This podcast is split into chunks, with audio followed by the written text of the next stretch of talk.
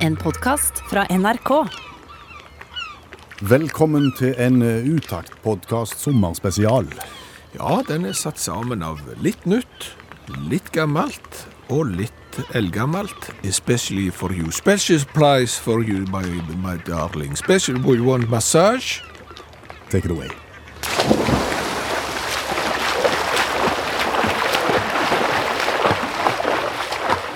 Vet du hva, Jeg foreslår at vi ikke begynner med å snakke om været. jeg. Det er helt riktig, eh, men vi kan snakke om noe som er vær- og sommerrelatert. For eksempel, Stråhatt. vi skal snakke om stråhatten. Ja, har du stråhatt hjemme? Eh, ja, det har jeg. Har du mer enn én? Når du spør, så er nok svaret ja. Ja. Jeg har tre hjemme. eh, Nettopp. To på hytta. Akkurat. De var hjemme, men så har jeg tatt de med på hytta. Så på et tidspunkt så hadde jeg fem hjemme. Nå har jeg bare tre hjemme og, og to på hytta. Men når du snakker stråhatt, Mhm. eh, eh, eh, snakker vi en sånn Fleksnes-variant? Eller snakker vi en sånn sombrero, sånn svær med, med, med, med, som ser ut som Saturn? Da svarer jeg ja. Begge deler? Ja.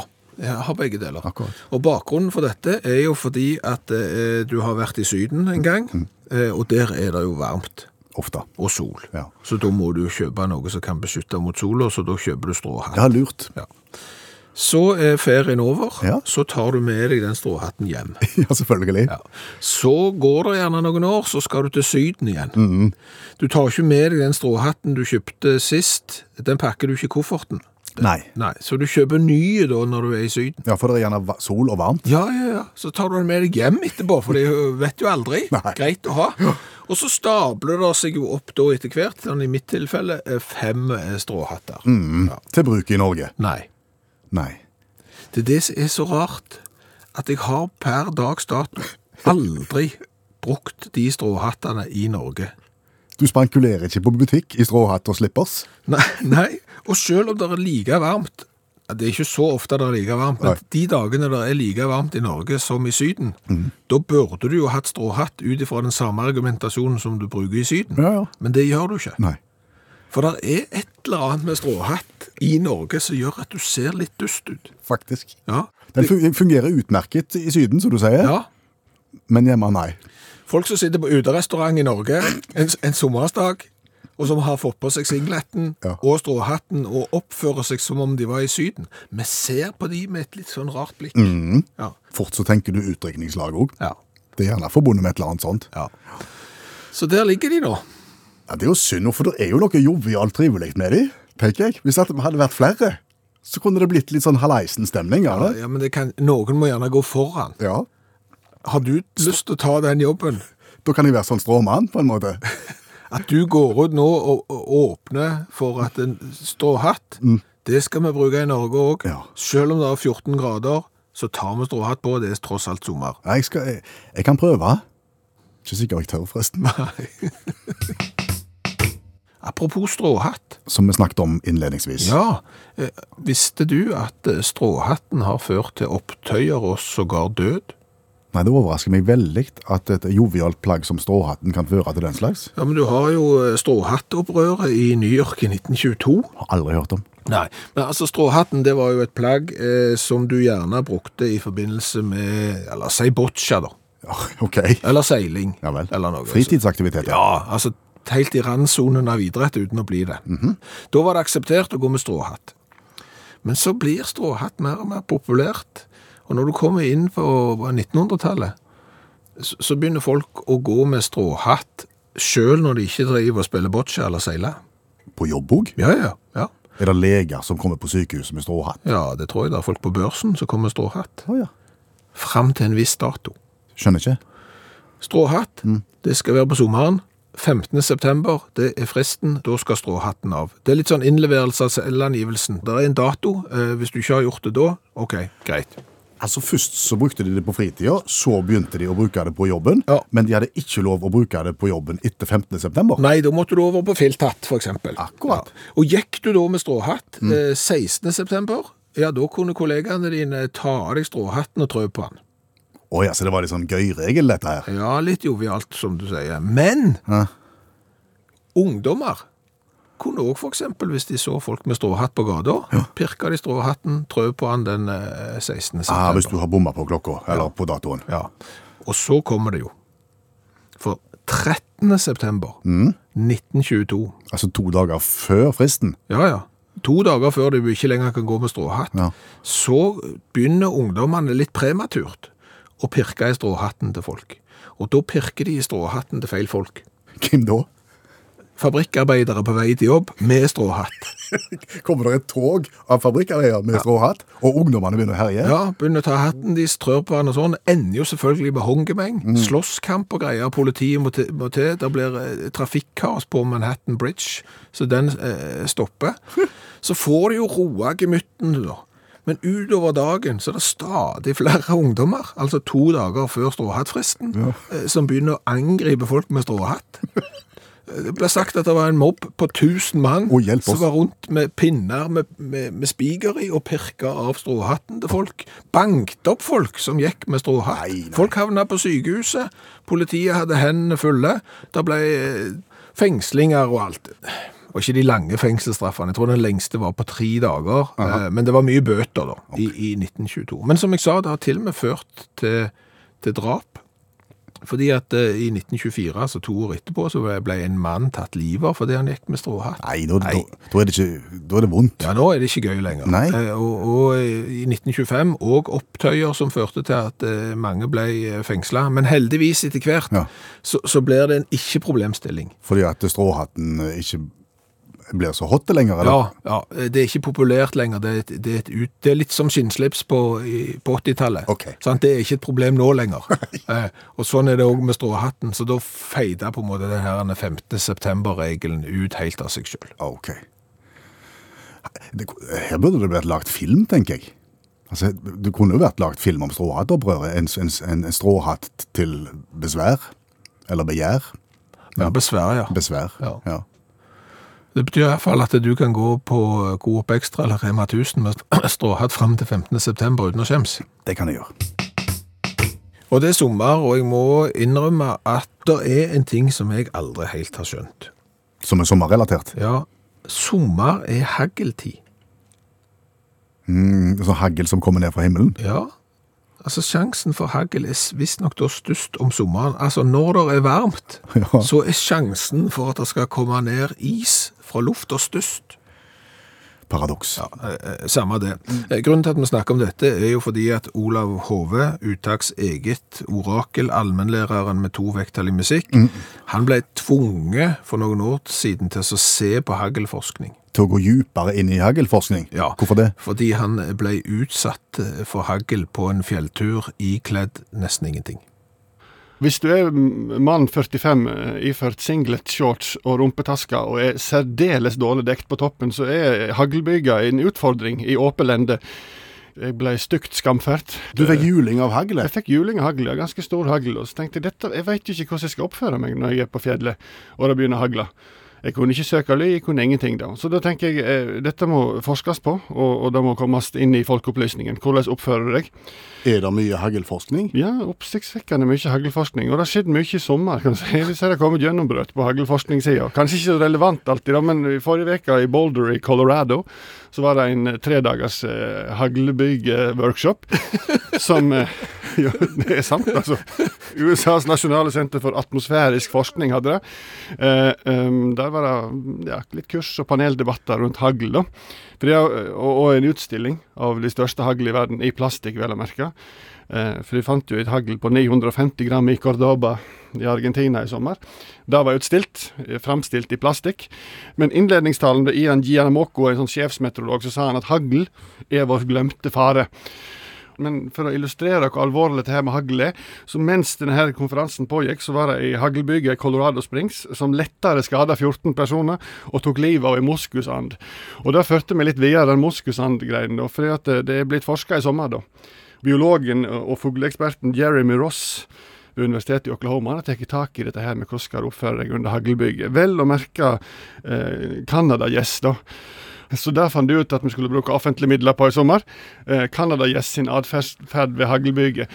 Eh, og- og da sier han at dette her har blitt i ua- ualminnelige tider så har mennesker blitt fascinert av fugler sin atferd eh, under haglbygget. Jeg vet ikke om det er Er noen av de som er Nei, de er ikke blitt Nei, nei. Nei, altså det er ikke en spurv til jorden uten at den ble truffet av hagl eller et eller annet sånt, har jeg hørt. Ja, for det kom som en overraskelse på meg, men allerede for 100 år siden så var Aldo Leopold han var fascinert av trompetsvanen sin oppførsel under haglbyget. Vet du hva, Ola Hove?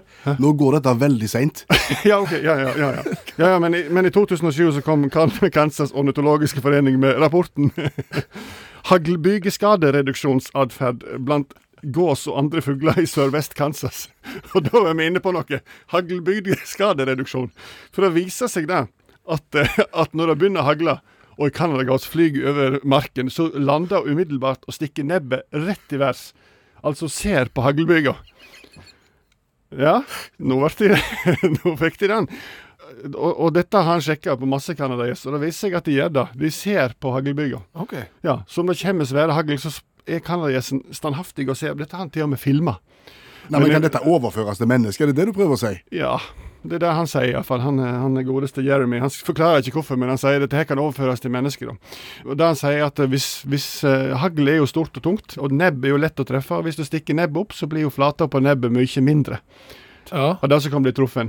Samme så blir vinkelen på vingene sånn at de knekker ikke så lett, for da blir det mer sånn at det, det liksom sklir av. Da. Ja, men Jeg har ikke nebb, og jeg har ikke vinger. Nei, det er jo problemet, da. Sant? Og det er jo ikke, ja, forskning er jo ikke, er jo ikke alltid Det er ikke alltid fullstendig, da. Det er ikke alltid relevant heller, faktisk. Nei, men jeg skal iallfall gjøre det. Eh, jeg skal stikke nebbet til værs neste gang det kommer i haglbyga. jeg og Fjell. Det, det skal jeg gjøre. Og, men, og Jeremy Ross sier jeg skal hjelpe han litt. Hvis det er andre folk som f.eks. i Norge opplever haglbyge, så vær snill og observer fugler, for han lurer på om dette er et universelt problem. Så kan jeg si at hvis du eh, ser haglbyger, kan du samtidig se etter menn 45 med singlet og rumpetasker, og hvordan de oppfører seg. Så har jeg sett pris på det. Hjertelig tusen takk skal du ha, allmennlærer med tovekttall i musikk, Olav Hove. Hva er det med ost? Hva det er med ost? Ja, jeg føler ost som matvare er i en særstilling. På hvilken måte da? Eh, Lukt. Eh, På hvilken måte da? F- For det er jo gjerne sånn, hvis du ser, eh, det er jo ikke sjelden at det er program på TV for eksempel der det blir lagt mat. Ganske ofte, faktisk. Ja, og da står de og så lager de på et eller annet, en saus og sånn, og så, så lukter de på han. Å, han lukter herlig. Himmelsk. Ja, og så smaker de på han, og så smaker han himmelsk. Ja. Mhm. Og så lager du et eller annet annet. Å, det lukter jo himmelsk, og så smaker du på det, og så smaker det himmelsk og Det er på en måte luktesansen og den gode lukten som styrer kokken inn mot det perfekte eh, produktet. Luk Ja. Lukter det godt, så blir det godt. Ja, stemmer det. Ja. Mens for eksempel hvis du åpner en eh, kartong med melk som har gått ut på dato for lenge siden, så lukter du oppi, og så Og Nei, den skal jeg iallfall ikke spise. fia meg, Og tenker så jeg. åpner du skinkepakken som har ligget litt for lenge eh, åpen, og så Nei, den skinka skal jeg iallfall ikke spise. Så hiver du den. Og så lukter du på en ost. Den lukter ikke godt, den skal jeg ha. Ja. Det er akkurat sånn. Ja, Men det er jo det. Lukter drit. Kjempe. Ja, men ypperste kvalitet. Og jeg vet hva jeg snakker om, fordi at i helga så hadde jeg jo eh, raclette. Det er jo en eh, fransk ost eh, som lukter sterk ishockeygarderobe. Ja, Du trenger ikke være klettforsker for å kjenne det. for å si det sånn. Den lukter gymsokk. Ja. Og, og den er jo kjempegod. Men, men både den osten og og andre oster som lukter ikke spesielt godt, de spiser vi jo, og så, og så liker vi de. Og hvis du ikke helt vet hva raclette er nå eh, Altså, raclettehjerne er jo 90-tallets fondygryte. Noe alle kjøpte, men som så satt, og satt fort på loftet. Altså, gifta du deg på 90-tallet, så fikk du raclettejern. Vervte du noen i bokklubben, eh, så fikk du raclettejern. Altså, raclettejern, det verserte overalt, og og etterpå det har det sikkert ikke blitt brukt. Men jeg, jeg liker det jo veldig godt, da. Så, så da sp- spiste vi det, og, og rommet lukter, kjøleskapet lukter, og har du frakta raclettost f.eks. fra Frankrike til Norge i koffert, så vet du at kofferten lukter, klærne lukter, eh, samlebåndet på flyplassen der osten kom inn i kofferten lukter, alt lukter. Men du spiser den jo for det. Ja, Og du tenker ikke at dette her er uspiselig, du tenker tvert imot dette lukter kvalitet. Ja, absolutt. Så, og, og det er jo ikke den eneste osten. Gammelost.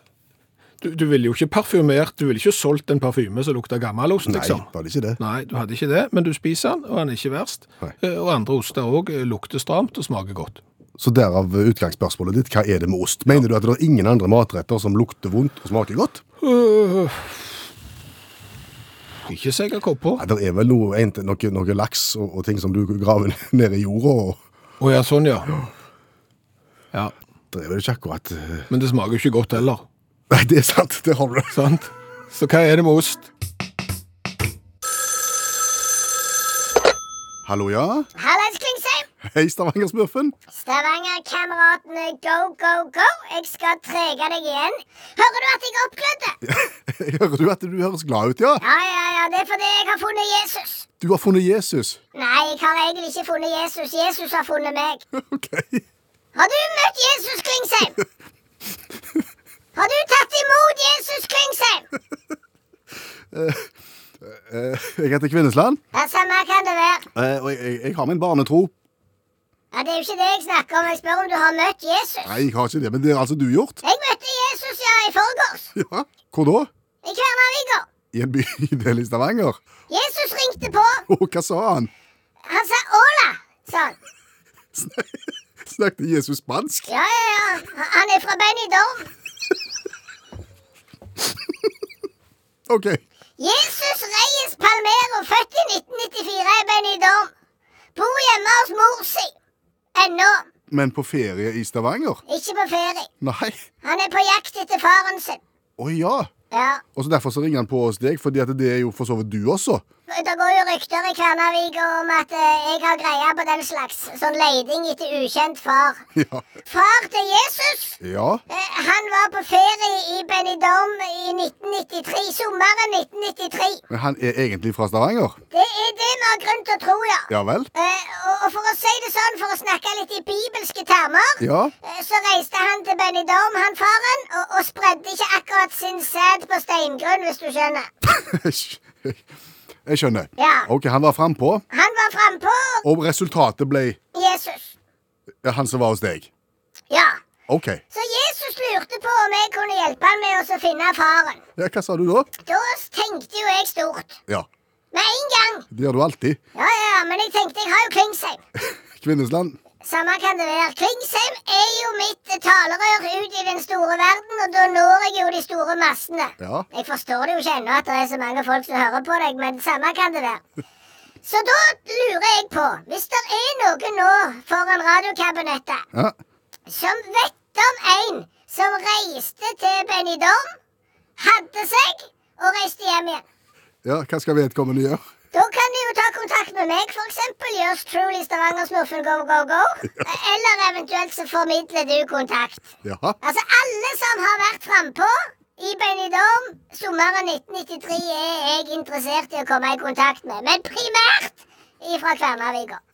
Så vil du da kunne forene eh, vedkommende med Med Jesus. Ja. Ja, da kan jeg få han til å møte Jesus, og sånn sett så får de jo sitt lyset kanskje eh, begge to. Ja. Jeg, jeg er litt Tore på sporet her. ja på en måte. Stavanger-smurfen på sporet. Ja. ja. OK, hvor er Jesus nå, da? Jesus nå! Nei, nå har han fått jobb på restaurant. Ok, Ja vel. Han er servitør. Så han blir ei stund, han, da? Ja, han blir en stund, men han skjønner jo ikke en drit norsk, vet du, så det er jo et hekkende å bestille av han. Han sier bare si, si, og så får du et eller annet. Ja. Samme kan det være. Nei, vi må finne faren, så vi får sendt han hjem. Ja. La oss gjøre det. Snakkes! Ha det. Du! Ja. Eh, Det er sommer, og jeg må innrømme at eh, hjemme hos meg så ligger det en del bøker lina opp for sommeren. Ja. Er det noe som kjennetegner de bøkene? Eh, Det er noen som mister livet i de, ja.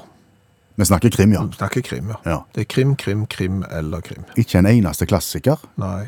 Litterær klassiker. Men de neste åtte ukene så har jo vi tenkt å avhjelpe litt på nettopp den problemstillingen, for vi tipper vi er jo ikke de eneste som har salt opp krimbøker for sommeren. Nei, og som har dårlig samvittighet for at det er en hel haug med klassisk litteratur som ligger der eh, ulest. Og det er greit. Det er utrolig hva det kan gjøre i selskapslivet dersom du kommer med litt bakgrunnskunnskap fra noen av disse her. Så nå får du fire minutter med læring i radioen der du lærer deg en klassiker, så kan du lese krimbøkene dine, og så kan du høre på radioen, og så framstår du mye smartere i andre enden av sommeren. Vi har henta inn professor Janne Stigen Drangsholt, som leser bøkene for oss.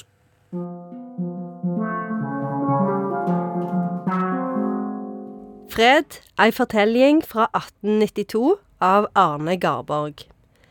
Enok Kove er redd for Guds straffedom. Han prøver å leve som en god kristen, og ødelegger dermed både sin egen og familiens tilværelse. Til slutt tar han sitt eget liv. Den boka fikk vi i julegave av sjefen et år. Den har jeg lest første setning av. Utanfor i vest bryt havet på mot ei sjumilir lang, låg sandstrand. Og så var det slutt. Du har, ikke bare, du har ikke bare lest den første setningen, men du, har, du husker den til og med. Ja, men det er Det én er setning. imponerende. Hvor vanskelig ja, er ja. det? Even so. Jeg syns ikke det var kjedelig. Å, Altså, nei. nei, jeg synes når jeg begynte å lese den, så var det sånn 100 gjenkjennelse for meg. Fordi at eh, NHKV han går jo der, så er han livredd for å dø. Fordi at han tenker Jeg er jo så egoistisk og dum at eh, jeg kommer jo rett til helvete. Og så tenker han jeg må omvende meg. Men så er det så mye som kommer i veien hele tida. For det er liksom bryllup, da må han jo drikke øl. Ja, sant? ikke tid til å omvende seg da. Nei, altså det er liksom noe kult på HBO den dagen, så må du se det. Sant? Så det er mye som kommer i veien. Men så dør eh, Napoleon Storbrekke, og da får han seg en støkk. For Napoleon Storbrekke han er liksom banne og lever livet, og så Døden. plutselig dør han. Og da tenker han sånn Nå sitter Napoleon i helvete, og hvis jeg ikke skjerper meg, så skjer det samme med meg. Han Storbrekke, døde han ved Waterloo, eller var det Nei, overraskende nok så døde han hjemme på Jæren. Vet vi noe om hva for noen kaker som ble spist i begravelsen? Vi har en mistanke. første kake? Det var det de brukte på Jæren på den tida. Snakker vi oss litt vekk nå? Nei, vi gjør ikke det. Men den er veldig sånn altså, den, er, eh, den er veldig deprimerende, hele boka. Fordi at han er jo veldig slem med familien sin. Plutselig så skal får ingen lov å drikke kaffe, og han skal liksom ikke vise at han er glad i noen. Fordi at eh, livet er jo bare en mellomstasjon til himmelen, så du skal ha det kjipt her, sånn at du kan få det liksom godt i det hensidige. Og det er jo liksom ingen som kan, eh, som kan snakke han til rette. De prøver å få inn Legdeguri, eh, Haugianerne, Lars Danielsen fra Neset. Ingen kan snakke Enok til rette, for han har bestemt seg for at eh, liksom, nei, her skal det strenghet til. Men er dette tanker og menneskesyn og livssyn som preger Norge på den tida? Ja, det er det. Og det er eh, et eksempel på en eh, litteraturhistorisk retning som heter naturalismen. Så, hvor de var veldig opptatt av å beskrive fattigdom, eh, og de var òg veldig opptatt av at eh, menneskelivet ikke nødvendigvis var noe du kunne velge sjøl. At du liksom Hvis du var inne i et spor, så, så var det det sporet du måtte følge, liksom. Litt sånn deterministisk. Så uansett hva du gjorde, bedre kunne det ikke bli. Nei. Nei. Ikke noe håp for noen. Og så lo vi. Tok det lang tid før en slutta å tenke på denne måten? Ja, jeg tenker at det, det var først når olja kom. når vi liksom hadde råd til fargefjernsyn og Dette er oppsiktsvekkende litteraturhistorisk nytt. Ja. Eh, naturalismen slutta med olja. Jeg tror jeg skal skrive kanskje en artikkel om dette. Vi har vært innom åpningssitatet i boka. Eh, Ja. Det mest berømte sitatet Ja. fra, fra Fred. Jeg, eh, nå er jeg litt sånn eh, subjektiv, og så tar jeg det som jeg likte godt. Og det er en sånn beskrivelse av eh, jærmennesket, eller jærbuen, da. Og det går sånn. Det er et sterkt og tungt folk som grev seg gjennom livet med grubling og slit. Putler med jorda og gransker i skrifta, piner korn av auren og von av drømmene sine, tror på skillingen og trøyster seg til Gud. Jeg vet ikke om dette sitatet gjør at flere får lyst til å lese, Fred, men det var et godt forsøk. Nå vil jeg gjerne be deg å oppsummere, Fred, etter denne her lille forelesningen vi har hatt. Jeg tror at hadde Arne Garborg eh, skrevet denne boka i dag, så hadde han eh, hett Janne. Etter Janne Stigen Drangsholt, som i likhet med Enok er særdeles redd for å dø. Og som gjør alt du kan for at det skal gå godt den dagen det skjer. Men så er det så mye som kommer i veien og forstyrrer. Ja, det er nettopp det. Altså, det er så Plutselig mye å holde på kolliderer du med. bilen, og så må du teipe den sammen igjen. Og kommer litt for seint i studio. Mister bankkortet. Mister bankkortet på Gardermoen. Alt innenfor 24 timer. Ting skjer, og så får du ikke tid. Nei, det er nettopp det. Så, så det, er liksom, det er et ork å holde hjulene i gang i det hele tatt. Men husk det, utenfor i vest bryt havet på mot ei sjumilir lang, låg sandstrand. Det er så sant. Tusen takk, Janne Stigen Hove Drangsholt. Litteraturviter og forfatter.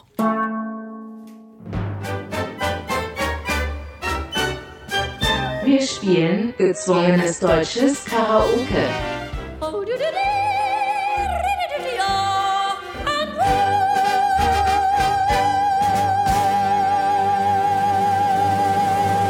Jeg kan se en liten frykt i øynene dine nå. Ja, men tvungen tysk karaoke gjør vondt. For hva er tvungen tysk karaoke? Du skal synge en sang som du aldri har hørt før. Du skal bare høre akkompagnementet, så får du en tekst i hånda, som jo er på tysk. Det gjør jo ikke saken bedre, for jeg hadde jo fransk på videregående skole, så jeg kan jo ikke tysk mer enn det jeg har sett på Derrick. Og så skal du s- fremføre den sangen på riksdekkende radio. Det er en form for musikalsk gapestokk. Foran 300 400 000 lyttere. Ja. Noe sånn. Men for at dette skal bli gøy for flere enn meg, for jeg antar det ikke er spesielt gøy for deg, Nei, jeg kjenner på den klumpen i magen at dette gjør vondt, ja. så har jeg nå lyst å spille av den sangen, eh, originalen, som du skal prøve deg på, for alle som hører på utakt. Men det får ikke du høre. Nei, nei, for da kan jeg den jo, Ja. så det går ikke. Jeg går ut, jeg. Nå går du ut, og imens så skal jeg spille av sangen. Og, og det han skal få prøve seg på i dag, det er en eh, folkesang, faktisk, fra tidlig 1900-tall. Blir også brukt en del som voggesang. Det er historien om Heidi Bombaichi. Aber Haiti, Bombaiti, erschlafen am Himmel die Schäflein, die braven. Sie ziehen dahin an dem himmlischen Zelt vergessen den Schmerz und den Kummer der Welt. Aber Haichi, Bumbaichi, Bum Bum. Aber Haichi, Bumbaichi, Bum Bum. Ja, nå har eh, lytterne av Utakt Skjæveland fått lov til å høre historien om Haichi Bombaichi. Hei, Chip. Nei, uff. Hei, om Haichi Bombaichi. Ja, han var jo litt av en eh, tase. Det er Haichi Bombaichi du skal få lov til å synge om i dag. Dette er en folkesang. Å ja. eh, på bayernsk-østerriksk dialekt. fra, fra tidlig 1900-tall. ja. Nå skal du få teksten. Ja. Den ser sånn ut. Er du klar? Nei, men eh, vanner i. Eh, Må man, så må man. ja.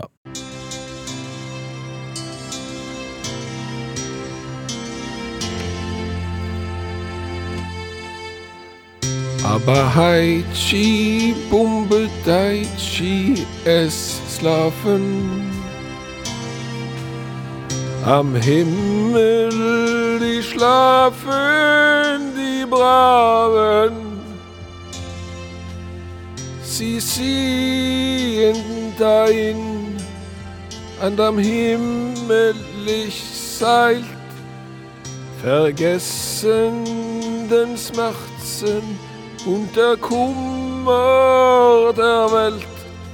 Aber hei, hopp, nei, hei, tschi, bu- bum bum.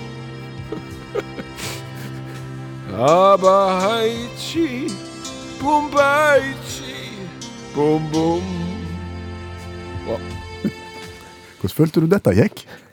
Det var forferdelige tekst. Men, og så følte jeg jeg begynte veldig pompøst. Jeg la meg nesten opp i sånn et eh, Pavarotti-segment. Jeg tenkte også det. Dette her kan aldri gå godt. Nei, og, og det gjorde det sannsynligvis ikke heller, men jeg følte at min melodilinje, som jeg jo lagde nå på direkten, passte ganske bra til akkompagnementet.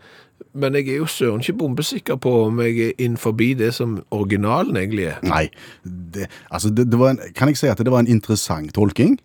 Er det, er det en måte å si det på? Ja, det er litt som en måte å si det på at det var ikke bra, men, men Men at du gjorde så godt du ja, kunne? det er litt jazz da. Ja, det kan du si. Ok. Ja. Eh, Originalen skal vi få høre nå. Ja. Eh, Det er da Henrik Nicolas Theodor Simons sin versjon, eller Heintje, som er kunst, kunstnernavnet Å hans. ja, men det tror jeg er lurt når du heter Henrik Nikolas, hva var det het? Theodor Simon. Ja. Da hører vi på Heintje når han synger om Haichi Bombaichi. Aber Haiti, Bombaiti, erschlafen. Litt sånn pompøst. Am Himmel die Schäflein, die brav, Ja. Braven!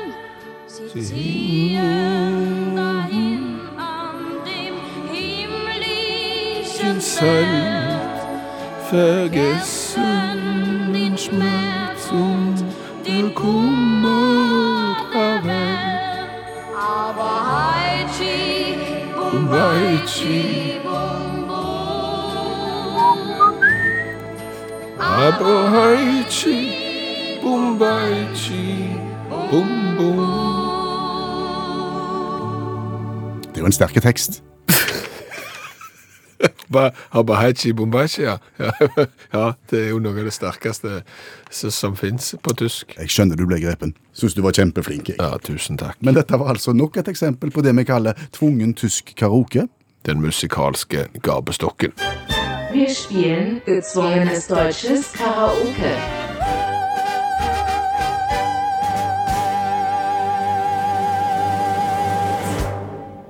Nå skal vi inn i et minefelt, Skjæveland.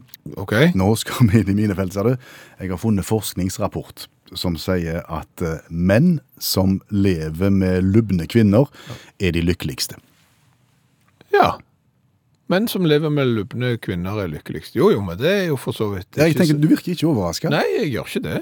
Jeg tenker Der er det helt sikkert en eh, logisk forklaring, og den er såpass enkel, tenker jeg, at, det- at hvis du er, er lubben eh, Forferdelig ord, egentlig, men, men da er du eh, trygg på deg sjøl og, og har ikke noe sånn jag etter at du, du må være eh, 40 cm rundt midjen. Og, og det er klart at hvis du har det der en hele veien, dette presset på, på, på at du må ut, må ut, må få gjort noe, må få energi og liksom må trene, trene, trene, for eksempel, så er det klart det smitter over på oss mannfolk.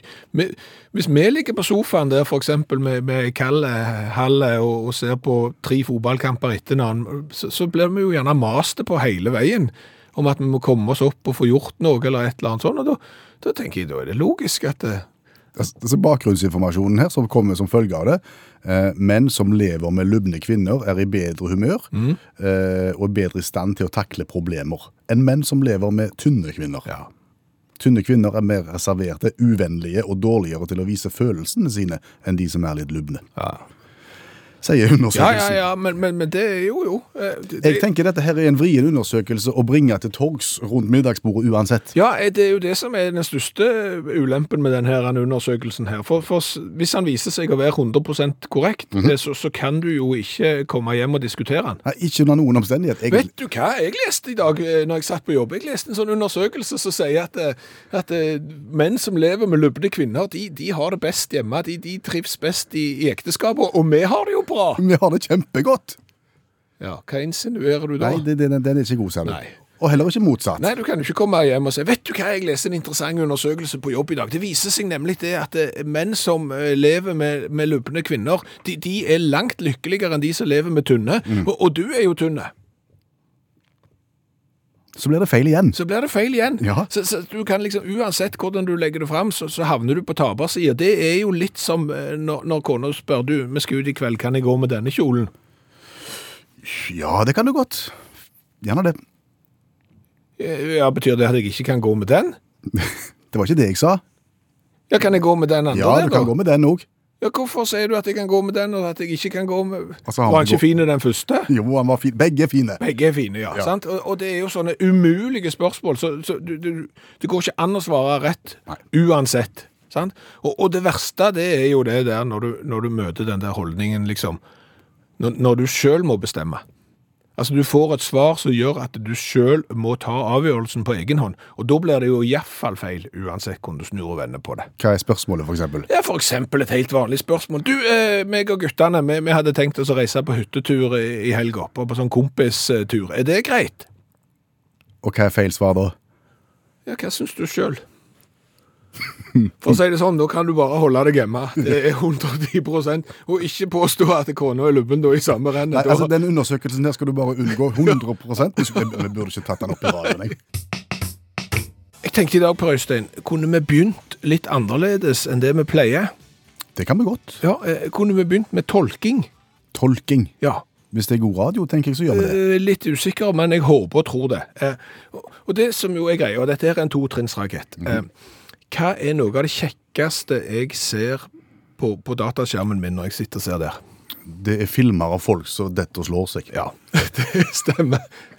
Andres fiasko er dessverre veldig god underholdning, sant? Og, og jeg er ikke den eneste som koser meg med sånne videoer. Det er Mange av disse videoene av tabber går jo viralt. eh, Millioner som ser de. Eh, Og i tillegg så har jo TV-kanalene oppfatta dette, og dermed lager de jo egne TV-program eh, der folks tabber eh, som de har lagt ut på internett, blir eh, belyst.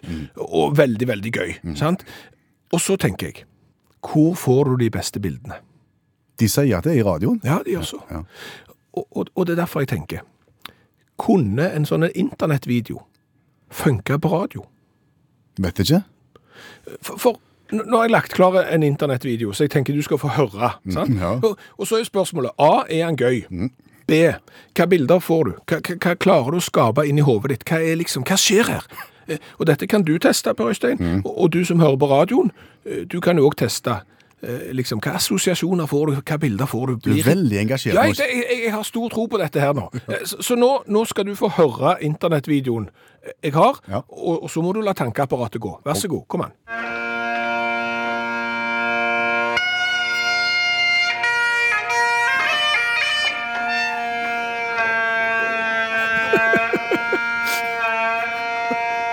Det er gøy. Du ble i godt humør i hvert fall. Alltid godt humør av sekkepipa. Ja. Ja. Men det går galt her. Ja, det går, det går galt, ja. Ja. Men, men hva bilder fikk du for det? Hva- Hva, hvor er vi henne? Hva skjer nå? Jeg- Jeg ser for meg mann Ja, som har sekkepipa. Han har kilt på seg. Ja. og vi er sikkert i Skottland. Ja, det er- ja. Eh, Det er et eller annet arrangement hvor han skal opptre og spille på denne her, men så, så, så, så går det galt. ja. Fordi eh, det er hull i belgen. Nei. Nei. Nei. Trenger ikke å være rakettforsker for å, å se for seg det første der med kilt og, og sekkepipe. Det er jo for så vidt rett, men vi er i et bryllup. OK. Altså, det som skjer, og det som vi hørte, det var at sekkepipeblåseren, han skal da lede prosesjonen inn i kjerka, sant? Og han står klar, og skal til å gå inn døra. Eh, Hvis du har sett en sekkepipe, så består den av en sånn belg som du har under armen, og så er det sånne fløyter som står opp av denne belgen. Døren er lav, og, og sekkepipen er høy, så han knekker da den ene fløyta mens han begynner og skal ha inn prosesjonen. Og så prøver han å skru på denne igjen, og det, er da det blir den rare lyden. Og så klarer han å skru han på, sånn at sekkepipa ser intakt ut, Ja. men han virker ikke helt sånn som han skal. Det som har skjedd, er at han mister noen toner. Det er noen toner som ikke går an å spille med den sekkepipa lenger. Og når du da skal spille den skotske nasjonalsangen, når du går inn i kirka og det mangler noen toner, så blir det sånn.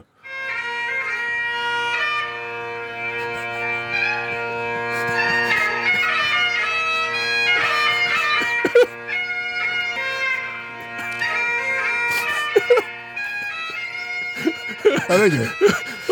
Og du kan jo tenke deg hvor- hvor panikkslagen blir du da, sant? Du blir panikkslagen, og, og verre skal det jo bli. Fordi som sekkepiper så skal du spille Scotland the Brave Ja. på, på innmarsjen, og så står jo bruden og venter på utsida, og da skal du jo spille eh, den der brudemarsjen, og du vet at det der mangler noen toner i sekkepipa di. Det du da prøver å gjøre, det er å spille noen andre toner, de tonene du hadde, og dermed blir brudemarsjen helt annerledes.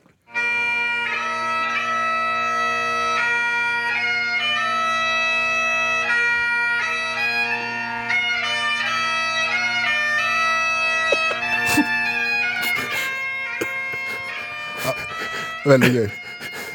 Veldig gøy. Men, Ja. men, men til, til utgangsteorien din. Ja. Jeg tror jo du tar feil.